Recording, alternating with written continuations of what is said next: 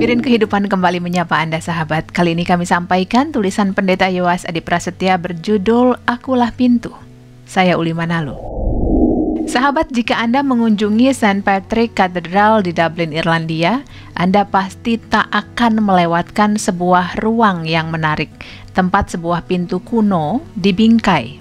Pintu yang dinamai The Door of Reconciliation – Pintu perdamaian itu cukup unik, teristimewa karena terdapat sebuah lubang di tengah-tengahnya. Pintu perdamaian itu membawa kita ke tahun 1492 ketika dua keluarga besar yaitu keluarga Butlers dari Ormond dan keluarga Fitzgerald dari Kildare bertikai dahsyat memperebutkan posisi deputi yang prestisius. Konflik keduanya menajam hingga pada satu hari kedua lelaki itu berkelahi sengit mempertaruhkan nyawa mereka masing-masing demi jabatan dan nama baik. Setelah pertarungan berlangsung beberapa saat lamanya, Butlers memutuskan untuk lari dan bersembunyi di dalam sebuah ruangan di dalam St. Patrick Cathedral. Tentu saja Fitzgerald mengejarnya hingga mereka hanya dipisahkan oleh sebuah pintu kayu yang sangat tebal dan kuat. Dalam posisi semacam ini, Fitzgerald akhirnya menawarkan perdamaian yang sudah pasti ditampik oleh Butlers yang menyangka bahwa tawaran tersebut hanyalah jebakan agar ia membuka pintu. Untuk membuktikan bahwa tawaran yang diajukannya tulus, Fitzgerald mengambil sebuah kapak dan membuat sebuah lubang di daun pintu yang memisahkan mereka berdua. Ketika lubang itu cukup besar, Fitzgerald kemudian mengulurkan lengannya melewati lubang tersebut. Tanda tawaran perdamaian. Butlers akhirnya menyambut tangan Fitzgerald dan terjadilah rekonsiliasi.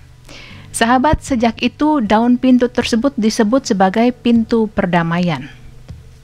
Peristiwa Fitzgerald yang mengulurkan tangannya itu kemudian memunculkan sebuah ungkapan yang sangat dikenal oleh rakyat Irlandia, yaitu changing arm, yang kurang lebih berarti mengambil risiko untuk mencapai sesuatu yang berharga.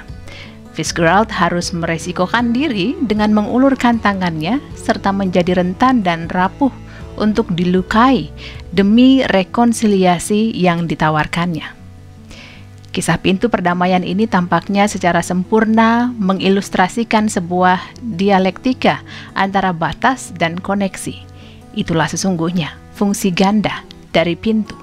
Di satu sisi, pintu membatasi diri kita dari dunia luar dan membuat kita aman dan nyaman dalam ruang atau rumah kita.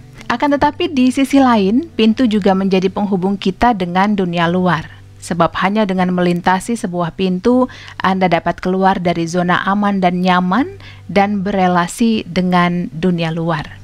Sahabat di kota-kota besar pintu tampaknya makin lama makin menonjolkan sisi pertama dari dialektika tersebut. Ia menjadi simbol ketakutan kita dalam berurusan dengan orang luar. Ia adalah simbol ketertutupan, ketidakpercayaan, ketidakpedulian, dan bahkan keterasingan. Hal yang sama berlangsung pula dengan gereja yang semestinya menjadi sebuah ruang publik dengan pintu-pintu terbuka bagi siapa pun untuk masuk. Pintu gereja tak lagi menjadi simbol hospitality, namun hostility. Sangat jamak kita jumpai pintu-pintu gereja yang tertutup rapat dengan kunci yang sangat aman, bahkan dengan satpam yang menjaga di depannya. Ia hanya dibuka untuk menyambut warga gereja yang menjadikan ruang gereja sebagai tempat aman dan nyaman mereka terpisah dari dunia untuk kemudian ditutup kembali setelah segala ritual selesai dilangsungkan.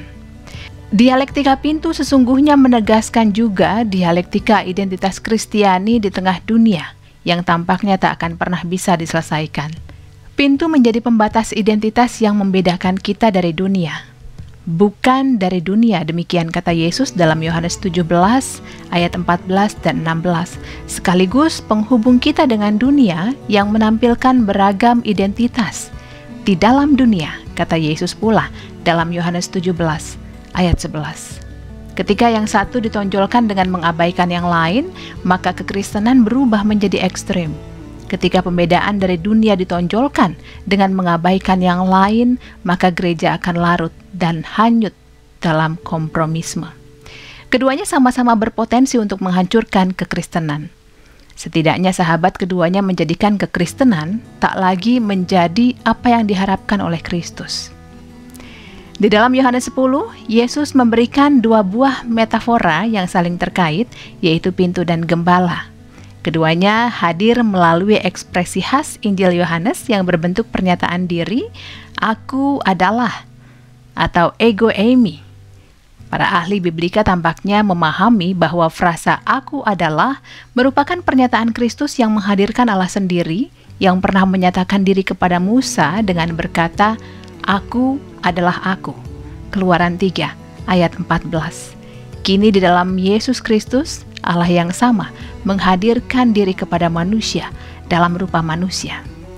Dua pernyataan diri Yesus, "Aku adalah pintu" dan "Aku adalah gembala", tampaknya harus dibaca bersama-sama sebagai satu kesatuan. Bahkan, penyataan Yesus sebagai pintu baru bisa dipahami dalam konteks penyataan diri Yesus sebagai gembala, sebab pintu yang dimaksud pada ayat 1 sampai 10 berbicara mengenai pintu kandang yang memisahkan domba-domba dari dunia luar sekaligus menghubungkan mereka dengan dunia luar. Dimensi pertama yaitu fungsi pintu untuk memisahkan domba-domba dari dunia luar muncul misalnya di ayat ke-9, yaitu ketika Yesus berbicara mengenai domba-domba yang masuk melalui aku. Sedangkan dimensi kedua, yaitu fungsi pintu untuk menghubungkan domba-domba dengan dunia luar, muncul di dalam ayat 3, yaitu ketika Yesus berbicara mengenai sang gembala yang menuntun domba-dombanya keluar. Sahabat singkatnya, metafora pintu berwajah ganda. Di satu sisi ia akan menciptakan identitas bagi orang Kristen yang berbeda dari dunia, di sisi lain ia akan menciptakan kemungkinan bagi orang Kristen untuk memasuki dunia. Pembacaan makna ganda semacam ini mengingatkan pendeta Yoas pada ucapan Yesus bahwa para murid-muridnya bukan dari dunia namun berada dalam dunia. Yohanes 17. Keduanya harus dipegang bersama-sama sebab mengabaikan yang satu akan melukai keduanya sekaligus. Metafora pintu di dalam Yohanes 10 dengan demikian berkisah tentang identitas Kristiani yang kokoh sekaligus terbuka pada dunia luar. Identitas yang terbuka semacam ini secara frontal berlawanan dengan identitas yang tertutup yang justru banyak dipromosikan oleh gereja-gereja di Indonesia. Sahabat, makin kita tertutup, makin kita kehilangan identitas. Sebaliknya, makin kita terbuka, makin identitas kita diperkokoh. Pesan yang ingin Yesus sampaikan kiranya menjadi bening buat kita, yaitu orang-orang Kristen yang tidak mungkin mempertahankan identitasnya tanpa terbuka pada dunia luar. Justru di dalam relasi dengan dunia luar itulah identitas Kristiani terjaga, terbangun, dan bertumbuh kembang. Teologi gerejawi dengan demikian terhubung secara dinamis dengan teologi dunia atau teologi sosial. Satu hal yang pada akhirnya harus kembali diingatkan adalah bahwa keseimbangan kedua dimensi ini ternyata berlangsung senantiasa di dalam dan melalui Yesus Kristus, Sang Pintu. Kita sering mendengar pandangan yang menyatakan bahwa identitas Kristiani kita di dalam kandang bergantung kepada Kristus, sedangkan identitas duniawi di luar berporos pada sisi kemanusiaan kita. Sahabat pandangan ini tentu keliru sebab baik identitas di dalam kandang maupun identitas di dunia luar baru mungkin terjadi di dalam dan melalui Kristus. Satu hal dari Yohanes 10 yang secara sederhana namun mendalam telah menginspirasi pendeta Yoas adalah padang rumput yang kita idamkan tersebut sebagaimana yang secara indah dituturkan oleh Daud di dalam Mazmur 23 hanya dapat dijumpai jika kita keluar dari zona aman dan nyaman kita dari kandang kita. Yohanes 10 ayat 9 Padang rumput itu ternyata tidak dijumpai di dalam kandang sahabat. Bagi konteks kita pertumbuhan iman yang paling menyuburkan berlangsung di luar gereja, yaitu ketika kita berhadapan dengan situasi dunia yang konkret, bukan di dalam gereja yang nyaman.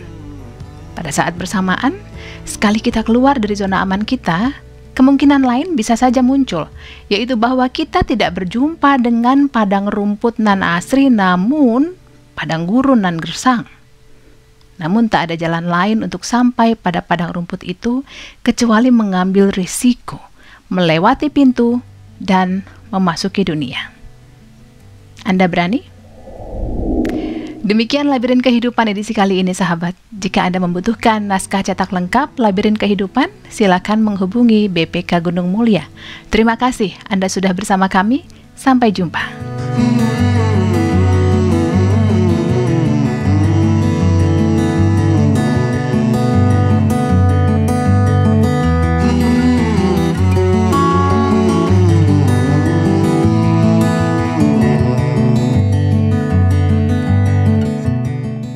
Sahabat, mari dukung pelayanan dan pekabaran Injil melalui YKB dengan membagikan link acara ini kepada sebanyak mungkin orang.